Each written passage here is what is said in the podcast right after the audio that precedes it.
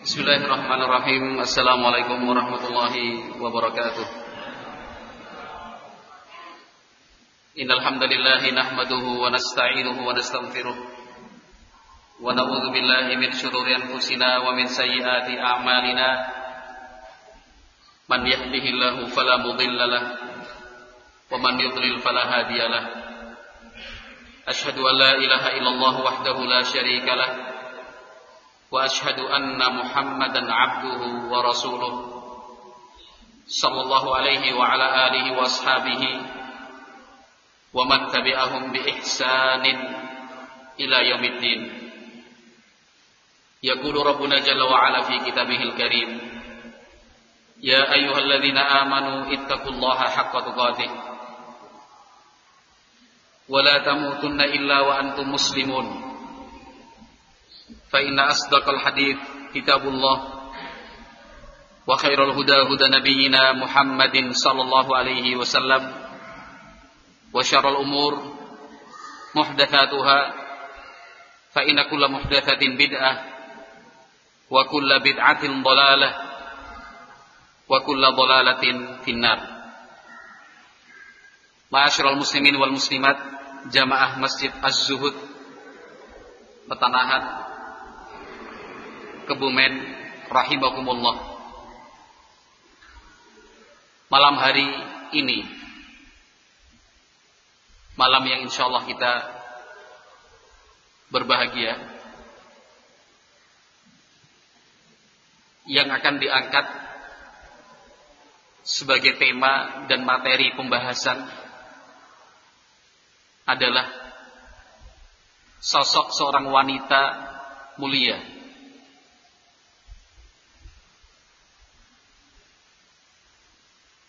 wanita yang bukan hanya saja namanya yang harum tetapi semua yang terkait dengannya betul-betul harum mewangi. Jangan salah ketika kita berbicara tentang sosok beliau sebagai seorang wanita sahabiah semua dari kita yang hadir saat ini sangat memerlukan dan sangat membutuhkan pembahasan tentangnya. Karena siapa pun dari kita yang hidup di dunia ini tidak akan pernah lepas dari wanita. Ibu kita, istri, kakak atau adik perempuan, putri-putri kita. Kalau ingin dikaitkan dengan kondisi kekinian kondisi kekinian masyarakat dan bangsa kita. Generasi muda bangsa, terkhusus generasi muda umat Islam, yang mengalami dekadensi moral. Bisa dikata jauh dari nilai-nilai agama. Masih belum sesuai dengan harapan kaum orang tua. Kalau ingin ditelusuri faktor penyebabnya, kenapa terjadi seperti itu? Maka salah satu faktor yang muncul adalah karena kekurangan figur seorang ibu. Kekurangan figur seorang ibu yang baik. Seorang ibu yang pendidik seorang ibu yang menjadi guru sekaligus kepala sekolah di madrasah rumahnya sendiri. Demi Allah, anak-anak muda di zaman sekarang banyak dari mereka kehilangan figur seorang ibu. Ibu yang mempunyai figur seperti figur sahabiat, wanita sahabat yang akan kita bicarakan pada kesempatan malam hari ini. Harapannya setelah kita sedikit banyak menggali biografi dari sahabiat yang akan kita sebutkan nanti, harapannya bisa menjadi sebuah inspirasi untuk kita kaum orang tua agar putri-putri kita bisa sepertinya seperti beliau. Harapannya istri-istri kita pun demikian. Bisa mencontoh dan meladani sahabat yang dimaksud. Ma'asyiral muslimin wal muslimat rahimakumullah, sahabiat yang saya maksud adalah sahabiat yang bernama Asma bintu Abi Bakrin radhiyallahu taala anhuma. Nama panggilannya Asma Ummu Abdullah. Mempunyai dua orang anak, kedua-duanya laki-laki. Yang pertama Abdullah, yang kedua Urwah. Abdullah bin Zubair dan Urwah bin Zubair. Asma bintu Abi Bakrin adalah kakak kandung dari Aisyah radhiyallahu anha. Dalam banyak riwayat disebutkan bahwa selisih umur antara Asma dan Aisyah 10 tahun lebih. Artinya Asma lebih tua 10 tahun lebih dibandingkan Aisyah radhiyallahu anha. Sama halnya dengan Aisyah dan mereka bersaudara. Asma pun mempunyai keistimewaan karena empat generasi berturut-turut semuanya sahabiyun, semuanya sahabat. Asma sahabiyah, putranya Abdullah dan Urwah sahabat. Putranya yaitu Abdullah sahabat. Ayahnya Abu Bakar As-Siddiq sahabat. Kakeknya Abu Kuhafah demikian juga sahabat dari kakek, bapak, cucu, cicit. Semuanya sahabat ini. Dan tidak semua sahabat seperti ini. Empat generasi berturut-turut. Asma bintu Abi Bakrin radhiyallahu taala. Islam yang pertama-tama masuk ke dalam rumah sahabat Abu Bakar As-Siddiq radhiyallahu taala anhu memberikan pengaruh yang cukup besar untuk keluarganya. Karena Islam di mana pun diterima dan diyakini sebagai sebuah kebenaran yang hakiki mutlak, maka akan memberikan warna putih terang beneran bercahaya. Asma bintu Abi Bakrin masuk Islam juga, mengikuti jejak langkah ayahnya. Dididik dalam Islam, dididik dengan wahyu-wahyu dari Allah Subhanahu wa taala, termasuk dididik langsung oleh Nabi Muhammad sallallahu alaihi wasallam.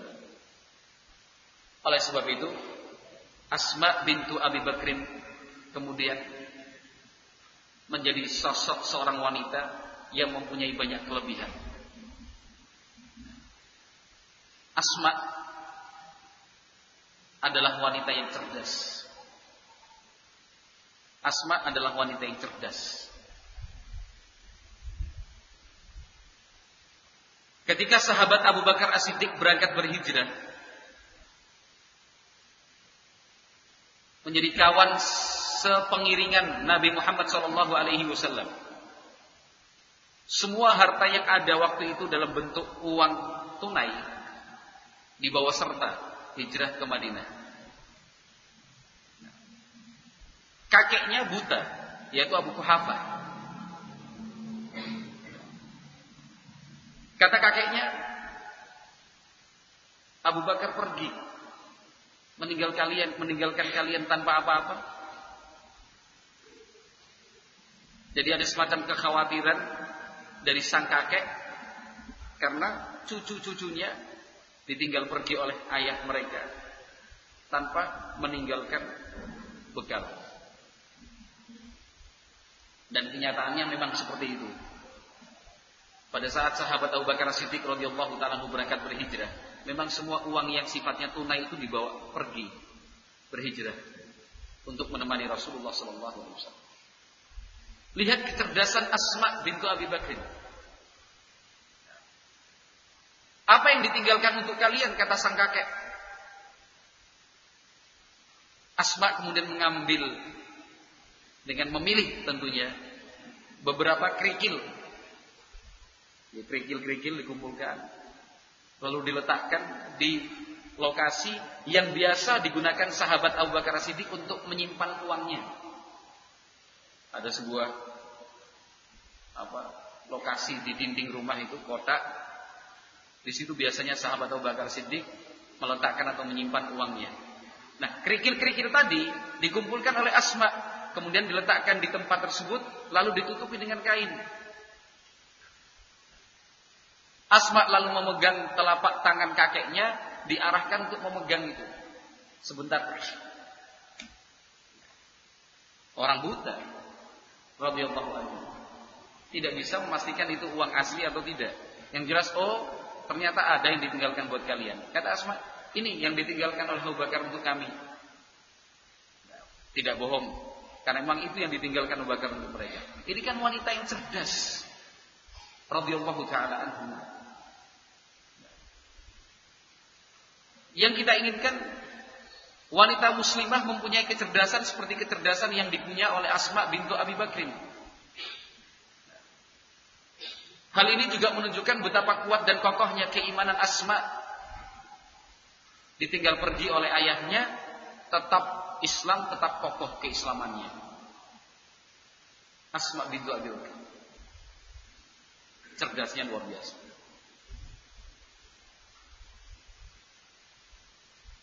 Asma bintu Abi Bakrin inilah yang kemudian mendapatkan gelar si pemilik dua selendang. Asma ditugaskan untuk mempersiapkan bekal makanan dan minuman untuk Nabi Muhammad SAW dan Abu Bakar Siddiq dalam melaksanakan hijrah ke kota Madinah. Itu tugas Asma. Mempersiapkan bekal makan dan minum. Ketika hijrah itu sudah akan dilaksanakan, makanan dan minum siap. Tetapi tidak mempunyai tali. Asma tidak mempunyai tali yang digunakan untuk mengikat tempat makan dan tempat minum. Yang ada waktu itu hanyalah selendang miliknya, kain panjang. Kata ayahnya Abu Bakar As-Siddiq, robek saja menjadi dua selendang itu. Yang satu untuk mengikat tempat makan, yang satu untuk mengikat tempat minum. Maka sejak hari itulah Asma bintu Abi Bakrin mendapatkan gelar Zatun Nitaqain seorang wanita yang mempunyai dua selendang. Itu perjuangan luar biasa. Itu pengorbanan dari Asma bintu Abi Bakr radhiyallahu anhuma untuk Islam mendukung dan mensupport penuh radhiyallahu taala Sekali lagi yang kita inginkan ya, kaum wanita muslimah seperti Asma yang siap berkorban memberikan apa yang dia punya demi kemenangan Islam. Asma adalah wanita pemberani.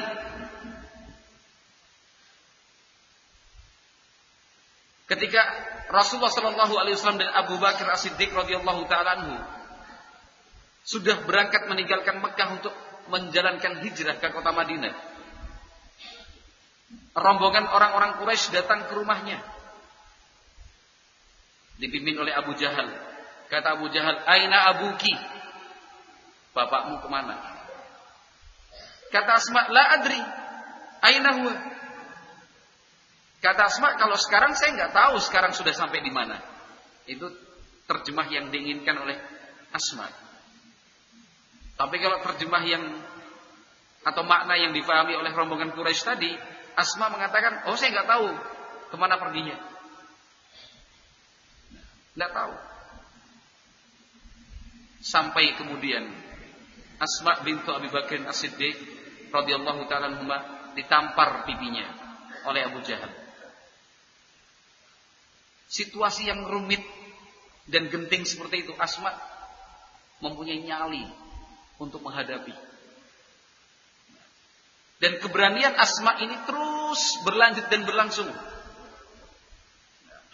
Sampai beliau Asma bintu Abi Bakrin memasuki usia lanjut sudah cukup tua. Di sekitaran kota Madinah terdengar isu banyak pencuri. Ini setelah Asma sudah sepuh. Banyak pencuri. Setiap kali tidur Asma selalu membawa pisau. Diletakkan di bawah bantal kepalanya. Ketika ditanya untuk apa? Untuk menikam perut pencuri kalau masuk ke rumah ini. Ini kan luar biasa keberanian wanita. Nah, di dalam menghadapi situasi yang sulit, yang gawat dan darurat, Tentunya yang kita inginkan seperti itu. Kaum wanita muslimah ya, mempunyai keberanian, keberanian yang terukur, ya, keberanian yang sesuai dengan syariat Islam, bukan keberanian yang justru bertentangan dengan syariat Islam. Contohnya naik ke puncak Gunung Selamat sendirian. Katanya biar pemberani, dikatakan pemberani. Atau misalkan naik sepeda balap dari Kebumen sampai Purworejo, bajunya serba ketat. Biar dikatakan pemberani. Atau naik motor trail. Padahal perempuan, cewek. Ini tidak boleh. Kenapa bertentangan dengan syariat Islam? dan seterusnya dan seterusnya. Asma bintu Abi Bakrin radhiyallahu taala anhuma adalah sosok wanita yang dermawan, tidak pelit. Aisyah, sang adik juga dermawan. Tetapi di dalam beberapa riwayat disebutkan perbedaannya. Kalau Aisyah radhiyallahu anha punya sesuatu dikumpulkan, kumpulkan, kumpulkan. Kalau sudah banyak baru disedekahkan. Adapun kakaknya yaitu Asma bintu Abi Bakrin radhiyallahu anhuma setiap kali dapat walaupun sedikit langsung disedekahkan. Kalau dalam bahasa kita Aisyah radhiyallahu anha kalau punya uang seribu ditahan, ditabung. Nanti ada uang seribu yang kedua tambah. Nanti kalau sudah genap sepuluh ribu baru disedekahkan. Adapun Asma bintu Abi Bakrin radhiyallahu anhuma kalau dapat seribu, yang seribu itu langsung disedekahkan. Tidak perlu menunggu sampai sepuluh ribu, dua puluh ribu, tiga puluh ribu. Mana yang lebih baik? Aisyah radhiyallahu anhuma ataukah Asma radhiyallahu anhuma? Mana yang lebih afdal? yang lebih afdol dan yang lebih baik adalah mana yang bisa kamu lakukan. Daripada ribut, lebih bagus ini, lebih bagus ini. Tapi yang ribut itu ternyata jarang sedekah. Ya, sama aja. Kalau Anda bisa meniru Aisyah, itu yang terbaik. Kalau Anda bisanya meniru Asma, itu juga yang terbaik. Yang penting tiru kedermawanannya. Jangan sibuk dan ribut menentukan mana yang lebih baik. Asma Aisyah, Aisyah Asma. Mana yang lebih baik?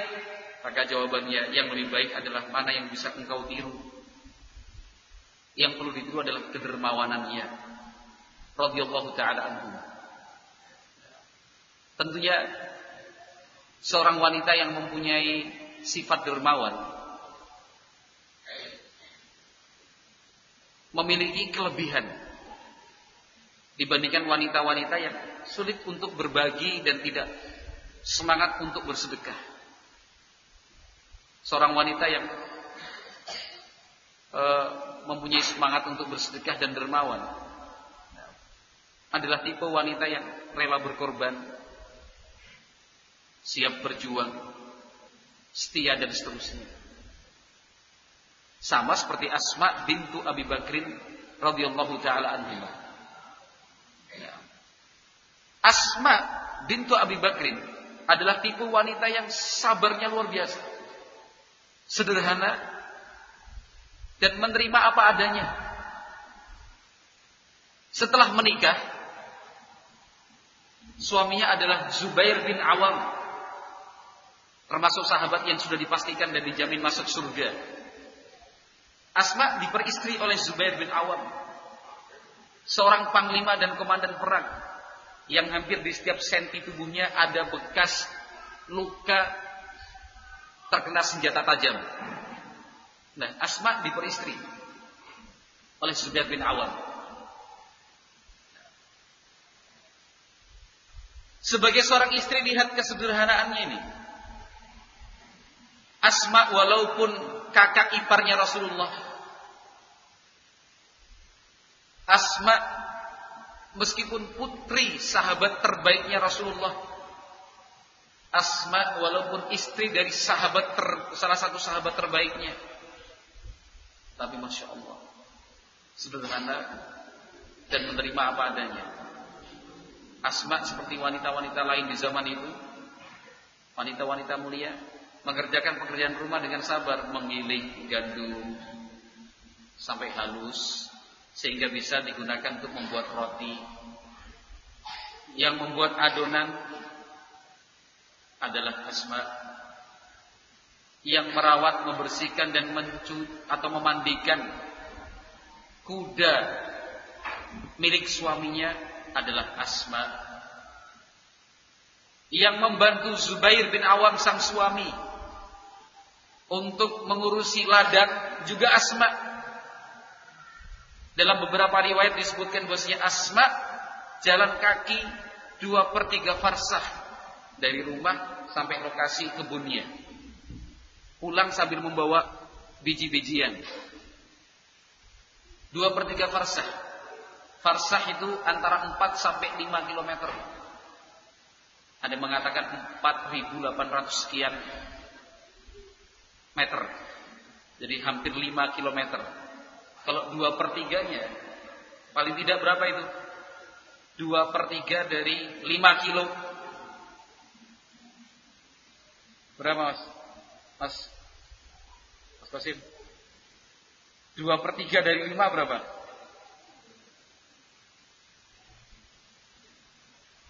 Berapa? Berapa? Tiga kilo setengah Tiga kilo setengah dari sini sampai mana? Dari mana? Laut Sampai laut Itu bolak-balik jalan kaki sambil bawa barang wanita di zaman itu. Kalau zaman sekarang mau ke toko sebelah, Mas diternal Mas. Tapi kan kita berbicara tentang kesederhanaan. Itu sabar luar biasa. Sampai kemudian sang ayah yaitu Abu Bakar As-Siddiq radhiyallahu taala membantu dengan memberi hadiah budak. Sejak ada budak, maka tugas-tugas Asma bintu Abi Bakrin kemudian relatif berkurang dan lebih ringan. tapi yang ingin saya angkat adalah sekian waktu Asma itu sabar begitu. Nasihat untuk kaum wanita yang baru berumah tangga, awal-awal berkeluarga, masih ngontrak, masih sewa, masih jalan, masih ngontel, makannya masih pas-pasan, sabarlah. Mudah-mudahan dengan sabar terus dengan sabar, dengan sabar, Allah Subhanahu wa taala memberikan kelonggaran dan kelapangan rezeki. Mudah-mudahan demikian. Seperti yang telah dicontohkan dan diteladankan oleh Asma bintu Abi Bakr As-Siddiq radhiyallahu taala Asma adalah seorang wanita yang setia kepada suami. Suatu saat Asma membawa biji-bijian di atas karungnya, keranjangnya. Perjalanan pulang dari lokasi kebun menuju rumah. Di tengah perjalanan Asma berpapasan dengan rombongan Rasulullah Shallallahu Alaihi Wasallam. Maka Nabi Muhammad Shallallahu Alaihi Wasallam menawarkan bantuan untuk membawakan keranjang berisi biji-bijian tersebut. Lalu kata Asma bintu Abi Bakrin, saya ingat cemburunya Zubair bin Awam. Suaminya adalah seorang lelaki yang pencemburu. Ditolak oleh Asma bintu Abi Bakr. Lalu diceritakan kepada suaminya ketika pulang di rumah kepada Zubair bin Awam dan Zubair bin Awam senang dengan sikap seperti itu. Ini juga watak dan karakter wanita muslimah yang kita inginkan. Nah, betul-betul menjaga kehormatan diri, menjaga kesuciannya kecuali untuk suaminya sendiri. Dia tidak rela untuk dibonceng di atas motor kecuali oleh laki-laki yang mahramnya, ayahnya, pak D-nya, kakak adik dari bapaknya, kakak adik dari ibunya, kakak laki-laki dan adik laki-lakinya, suaminya. Itu karakter seorang wanita muslimah. yang betul-betul ingin mengikuti tuntunan Nabi Muhammad SAW. Coba bedakan dengan sekarang. Dalam satu hari yang bonceng gonta-ganti. Padahal bukan suami, bukan bapaknya, bukan kakaknya, bukan adiknya, pacarnya katanya. La haula wala quwwata Kesucian dan kehormatan wanita yang diperjuangkan oleh Islam akhirnya dihancurkan oleh orang-orang kafir melalui program emansipasi, persamaan gender, hak asasinya yang sama. Padahal Islam betul-betul menjunjung tinggi kehormatan wanita. Nah, Asma bintu Abi Bakrin memberikan contoh buat kita. Seperti itulah seorang wanita muslimah sesungguhnya menjaga kehormatan diri, menjaga kesuciannya. Yang menawarkan bukan siapa-siapa, yang menawarkan bantuan adalah Rasulullah Nabi Muhammad wasallam. Sehingga tidak mungkin ada prasangka-prasangka buruk. Tetapi karena untuk menjaga perasaan suaminya Zubair bin Awam radhiyallahu taala yang memang mempunyai cemburu, maka tawaran itu pun ditolak oleh Asma bintu Abi Bakar Siddiq radhiyallahu taala. Asma bintu Abi Bakrin adalah tipe wanita yang berbakti kepada orang tua. Padahal ibunya ketika itu masih dalam keadaan kafir, Putailah namanya. Kalau berbakti kepada sang bapak yaitu Abu Bakar Siddiq sudah jelas beberapa darinya sudah kita singgung di depan tadi. Ini berbakti kepada ibunya yang masih kafir, Utailah. Walaupun kemudian pada akhirnya sang ibu pun masuk Islam.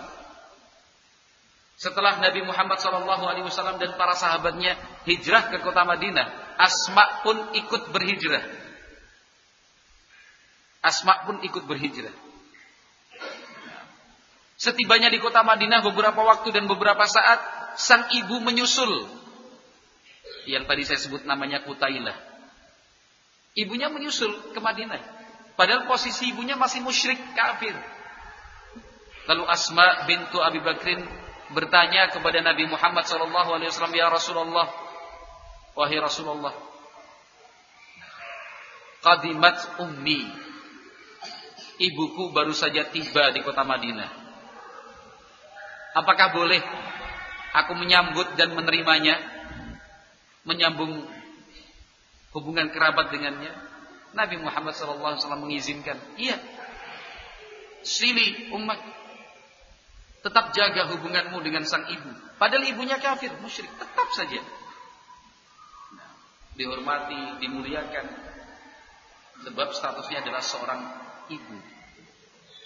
Walhamdulillah pada waktu yang berikutnya sang ibu pun masuk Islam.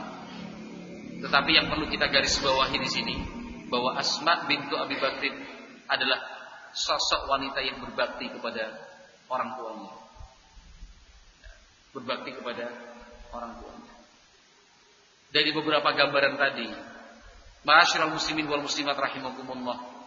Di saat-saat seperti ini, bangsa kita secara umum dan umat Islam lebih khusus sangat memerlukan figur wanita seperti ini. Sebagai seorang sua, sebagai seorang istri, sekaligus sebagai seorang ibu. Sebagai seorang istri sekaligus sebagai seorang ibu.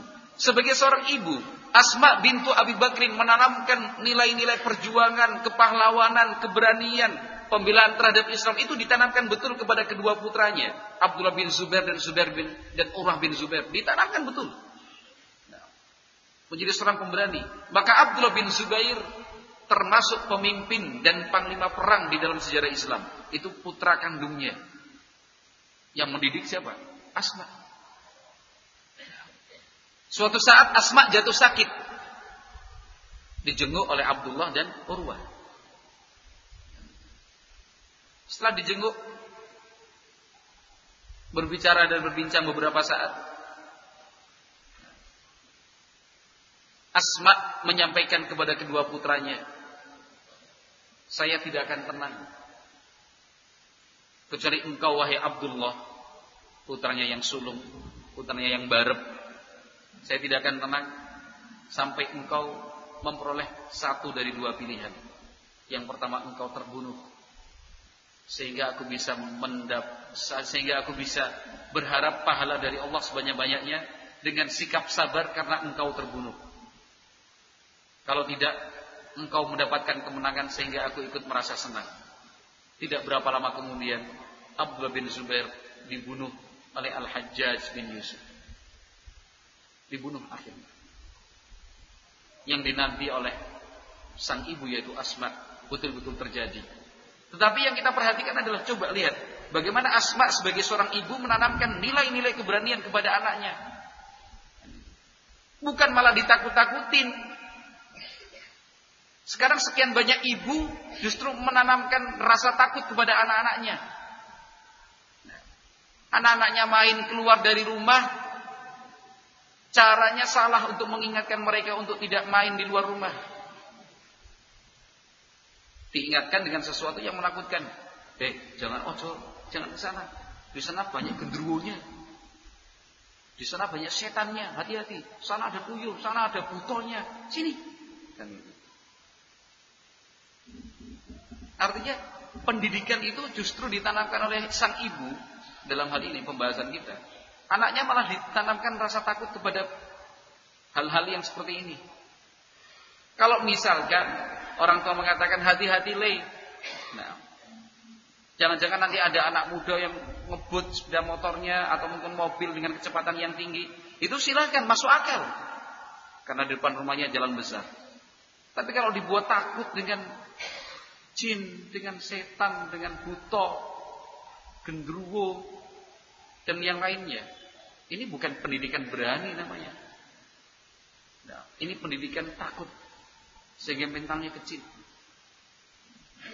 Asma bintu Abi Bakrin berhasil mendidik kedua putranya menjadi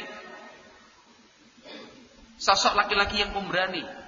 Itu tugas ibu. Itu tugas ibu yang paling utama. Ma'asyiral muslimin wal muslimat rahimani wa rahimakumullah. Maka sekali lagi yang kita harapkan dan kita inginkan munculnya wanita-wanita dengan karakter dan figur seperti yang telah disebutkan di depan tadi. Nah, cerdas, dermawan, pemberani, berbakti kepada sang ibu dan sang ayah, sederhana, nerimo apa adanya.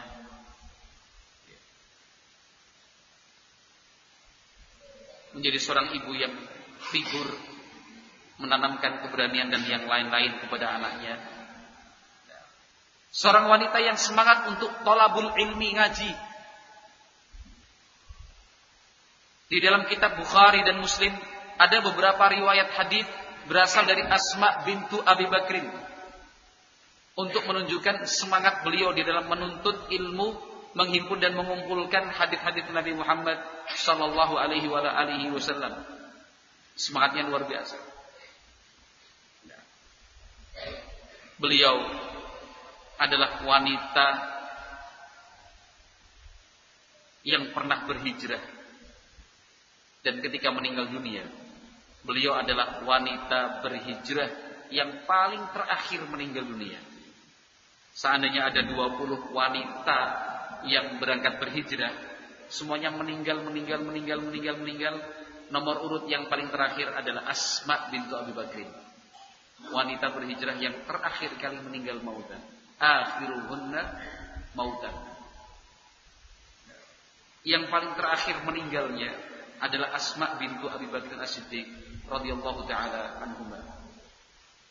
Usianya mencapai 100 tahun ketika meninggal dunia.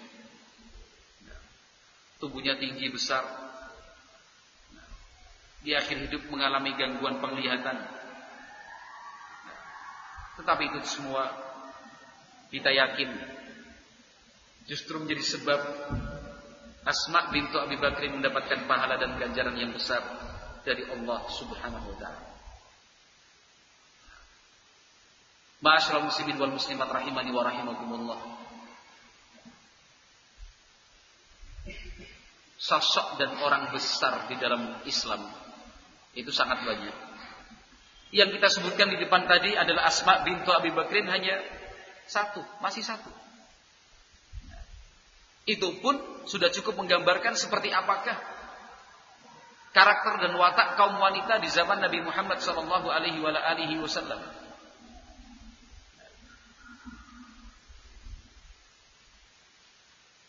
Alangkah berbahagianya apabila generasi muda umat Islam dibimbing dan diarahkan oleh wanita-wanita yang menjadi ibu dengan figur seperti itu.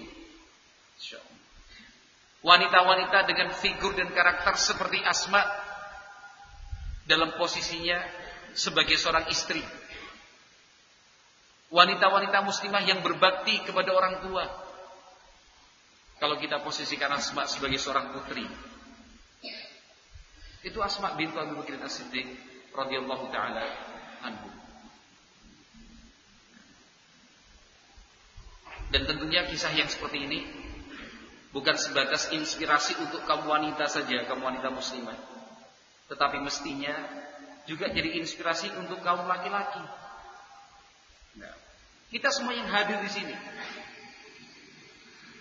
diingatkan melalui kisah biografi Asma bahwa seorang hamba semestinya seperti itu, pemberani, dermawan, sederhana, menerima apa adanya, sabar, setia, dermawan, cerdas, pintar.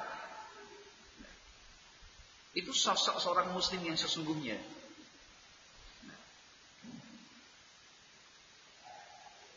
dan semuanya masih bisa diusahakan dan diupayakan. Bukan kemudian kita menyerah, wah nggak bisa, udah terlalu tua untuk berubah, susah. Masih ada waktu, masih ada kesempatan.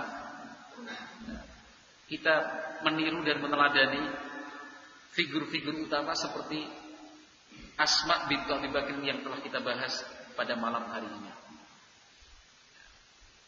Jadi kalau dibayangkan Barakallahu fikum. Wanita-wanita di zaman Nabi Muhammad SAW itu adalah sosok wanita-wanita yang luar biasa, tangguh, tidak mempunyai bawaan cengeng ketika menghadapi masalah. Dalam kondisi yang sulit, darurat, sempit, tegarnya itu luar biasa. Tegarnya luar biasa. Ummu Sulaim radhiyallahu anhuma radhiyallahu anha yang anaknya meninggal dunia. Anak pertama laki-laki. Tapi betul-betul kuat dan kokoh imannya. Dimandikan, dikafankan, dikafani, disolatkan, dikuburkan sendiri oleh sang ibu. Suaminya sedang pergi. Anak dari eh, ayah dari anak laki-lakinya yang meninggal itu sedang pergi. Abu Talha tapi Asma, eh, tetapi Ummu Sulaim radhiyallahu anha sabarnya luar biasa. Menahan ekspresi wajah, menunggu suaminya pulang dari bekerja. Setengah setelah situasinya dirasa cukup tepat, barulah Ummu Sulaim menyampaikan berita bahwasanya anaknya meninggal dunia. Masya Allah. Itu wanita-wanita yang tegar kokoh. Aisyah radhiyallahu anha demikian juga Khadijah bintu Khuwailid istri Nabi sallallahu alaihi wasallam yang pertama demikian juga. Ummu Salamah istri Nabi sallallahu alaihi wasallam demikian juga. Silakan sebut nama-nama wanita di zaman Nabi sallallahu alaihi wasallam. Semuanya tegar, sabar. Bukti ketegaran dan kesabaran mereka. Kalau eh, berat, yang, eh, kalau mereka yang berasal dari Mekah adalah kesiapan mereka untuk berhijrah. Nah, itu kan bukti terbesar bahwasanya wanita-wanita di zaman Nabi itu tegar, kokoh, kuat. Nah, bukan sedikit-dikit nangis, bukan dikit-dikit nangis, bukan. Tapi dihadapi dengan senyum, dengan optimis, dengan prasangka baik. Bukti yang paling nyata mereka berhijrah. Bahkan sebagian dari mereka hijrahnya ke Habasyah, ke Jazirah Afrika, harus melewati dan mengarungi Laut Merah dengan alat transportasi air yang sangat sederhana waktu itu. Mereka berhijrah dari Mekah ke Madinah jalan kaki, panas sepi, melewati tempat-tempat yang sunyi untuk menghindari kejaran dari musuh. Nah, perjalanan jauh. Tapi karena demi Islam, demi mengharap ridha dari Allah Subhanahu wa taala, demi menjalankan perintah dari Nabi sallallahu alaihi wasallam untuk berhijrah, mereka jalani itu semua. Wanita-wanita di zaman Nabi Muhammad sallallahu alaihi wasallam adalah wanita-wanita yang tangguh, kokoh dan kuat imannya. Pada saat Nabi Muhammad sallallahu alaihi wasallam ingatkan mereka tentang kenyataan pada hari kiamat nanti bahwa mayoritas penduduk neraka itu adalah kaum wanita. Maka Nabi Shallallahu Alaihi Wasallam perintahkan mereka untuk banyak-banyak sedekah. Karena untuk kaum wanita, amalan di, di antara amalan yang terbaik dan amalan yang abdul adalah bersedekah. Ketika Nabi Shallallahu Alaihi Wasallam membangkitkan semangat mereka bersedekah, saat itu juga wanita-wanita mulia di zaman Nabi melepaskan cincin gelang kalungnya perhiasan emas yang mereka pakai diserahkan fi sabilillah di jalan Allah Subhanahu wa taala. Itu sosok wanita di zaman Nabi Muhammad sallallahu alaihi wasallam. Wanita-wanita di zaman Nabi Muhammad SAW adalah wanita-wanita yang senang dan semangat untuk beribadah kepada Allah Subhanahu wa taala.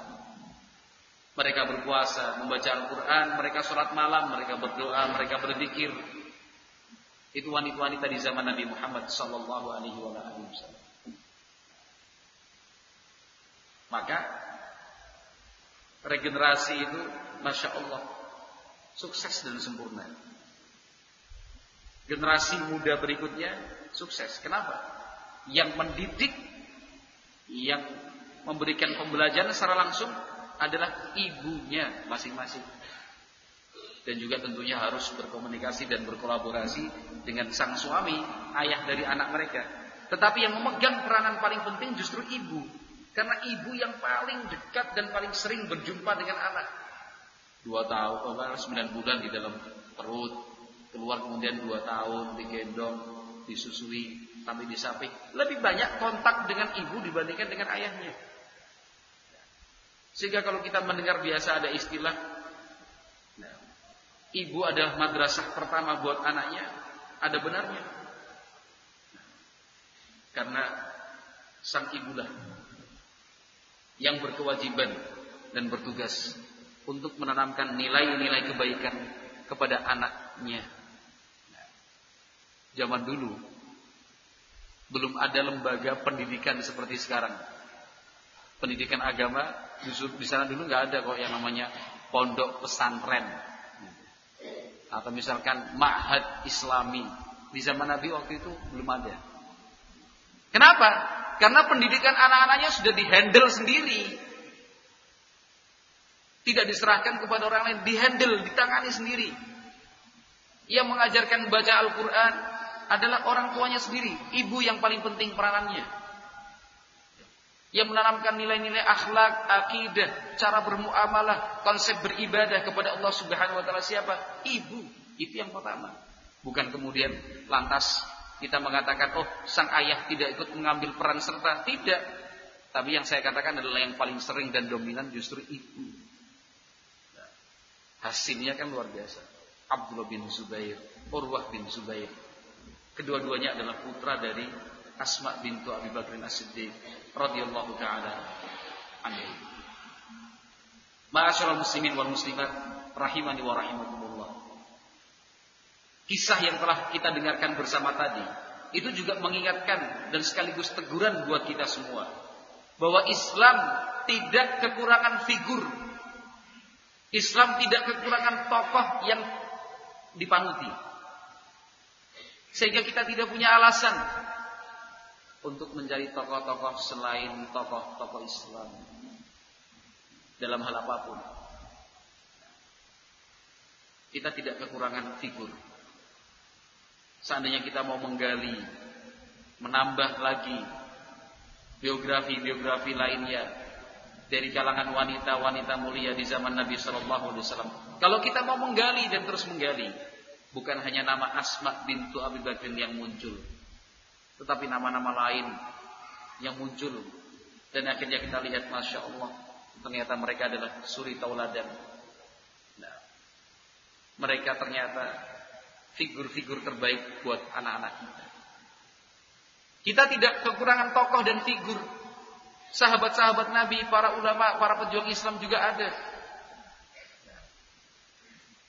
Sehingga yang dijadikan figur buat anak-anak kita memang orang-orang yang sudah sukses. Tetapi di zaman ini la haula wala quwata illa billah wallahul musta'an. Yang menjadi figur anak-anak kita justru orang-orang yang tidak pantas dijadikan figur. Artis jadikan figur kawin cerai, kawin cerai, kawin cerai. Hamil di luar nikah, enggak sholat. Itu yang dijadikan figur anak-anak kita. Yang dijadikan figur anak-anak kita sebagiannya adalah tokoh-tokoh di bidang olahraga, sepak bola misalkan, itu difigurkan sekali. Sampai kamarnya penuh dengan gambar Maradona, Pele, Platini, Frank Kebun. Pak apal semua. Endro Kartiko masuk semua. Wah, full kamarnya itu. Itu yang dijadikan figur.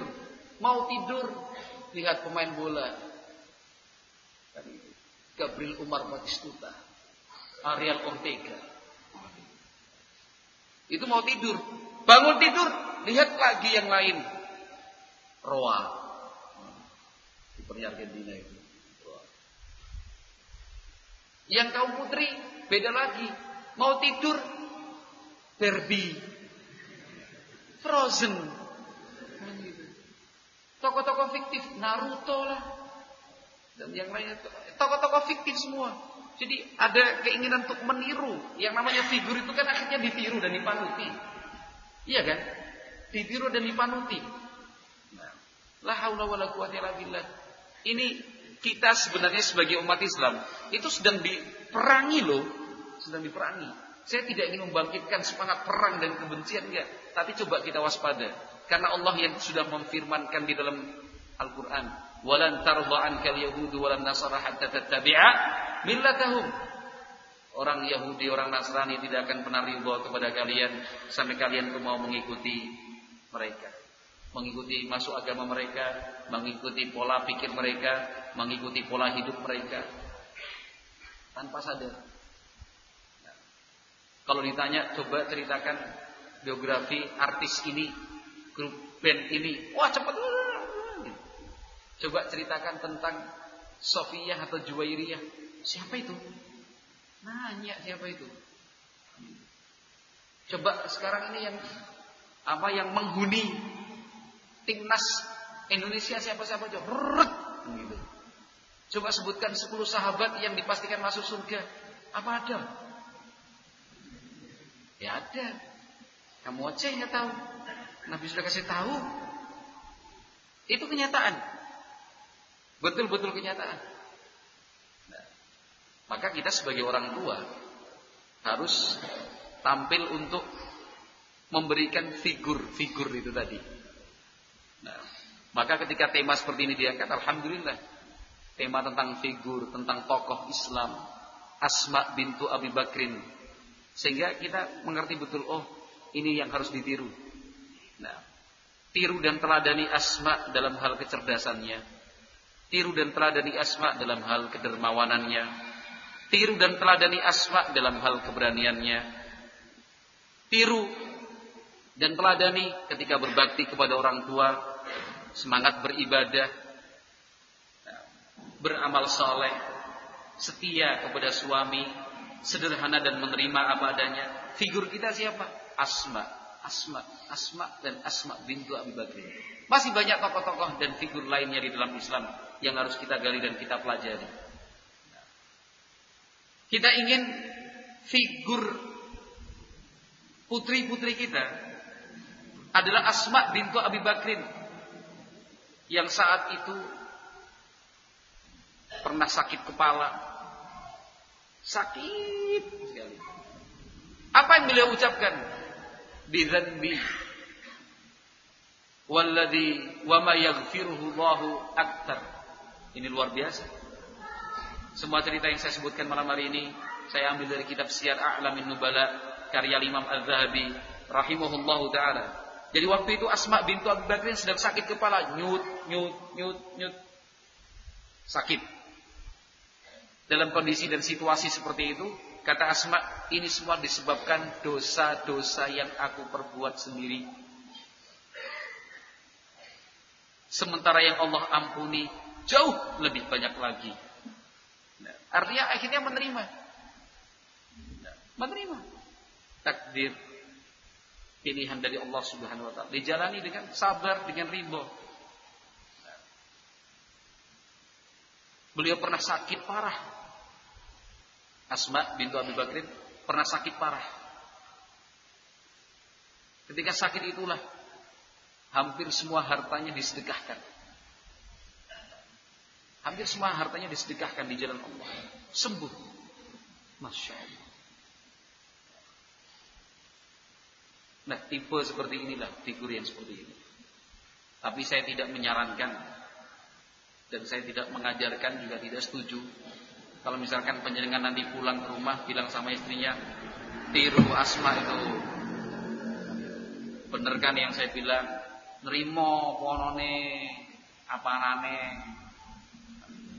aja jaluka sederhana baik ngewangi bojone. Ya akhirnya jadi penghakiman di rumah. Bukan itu yang saya inginkan.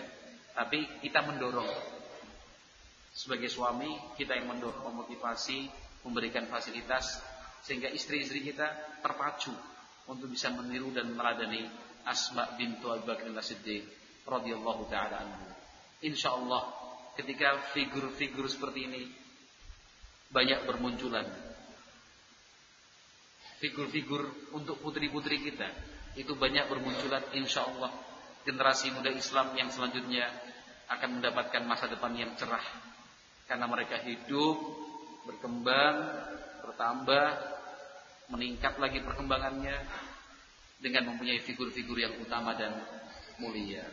Wallahu a'lam bishawab. Mudah-mudahan yang sedikit ini bermanfaat dan semoga Allah Subhanahu wa taala memilih kita semua menjadi figur buat anak-anak kita dan semoga Allah Subhanahu wa taala memberikan kesempatan untuk kita agar bisa menggali lebih dalam lagi tentang figur-figur dan tokoh-tokoh utama di dalam Islam Subhanakallahumma wa bihamdika asyhadu an la ilaha illa anta astaghfiruka wa atubu ilaik. Wassalamualaikum warahmatullahi wabarakatuh.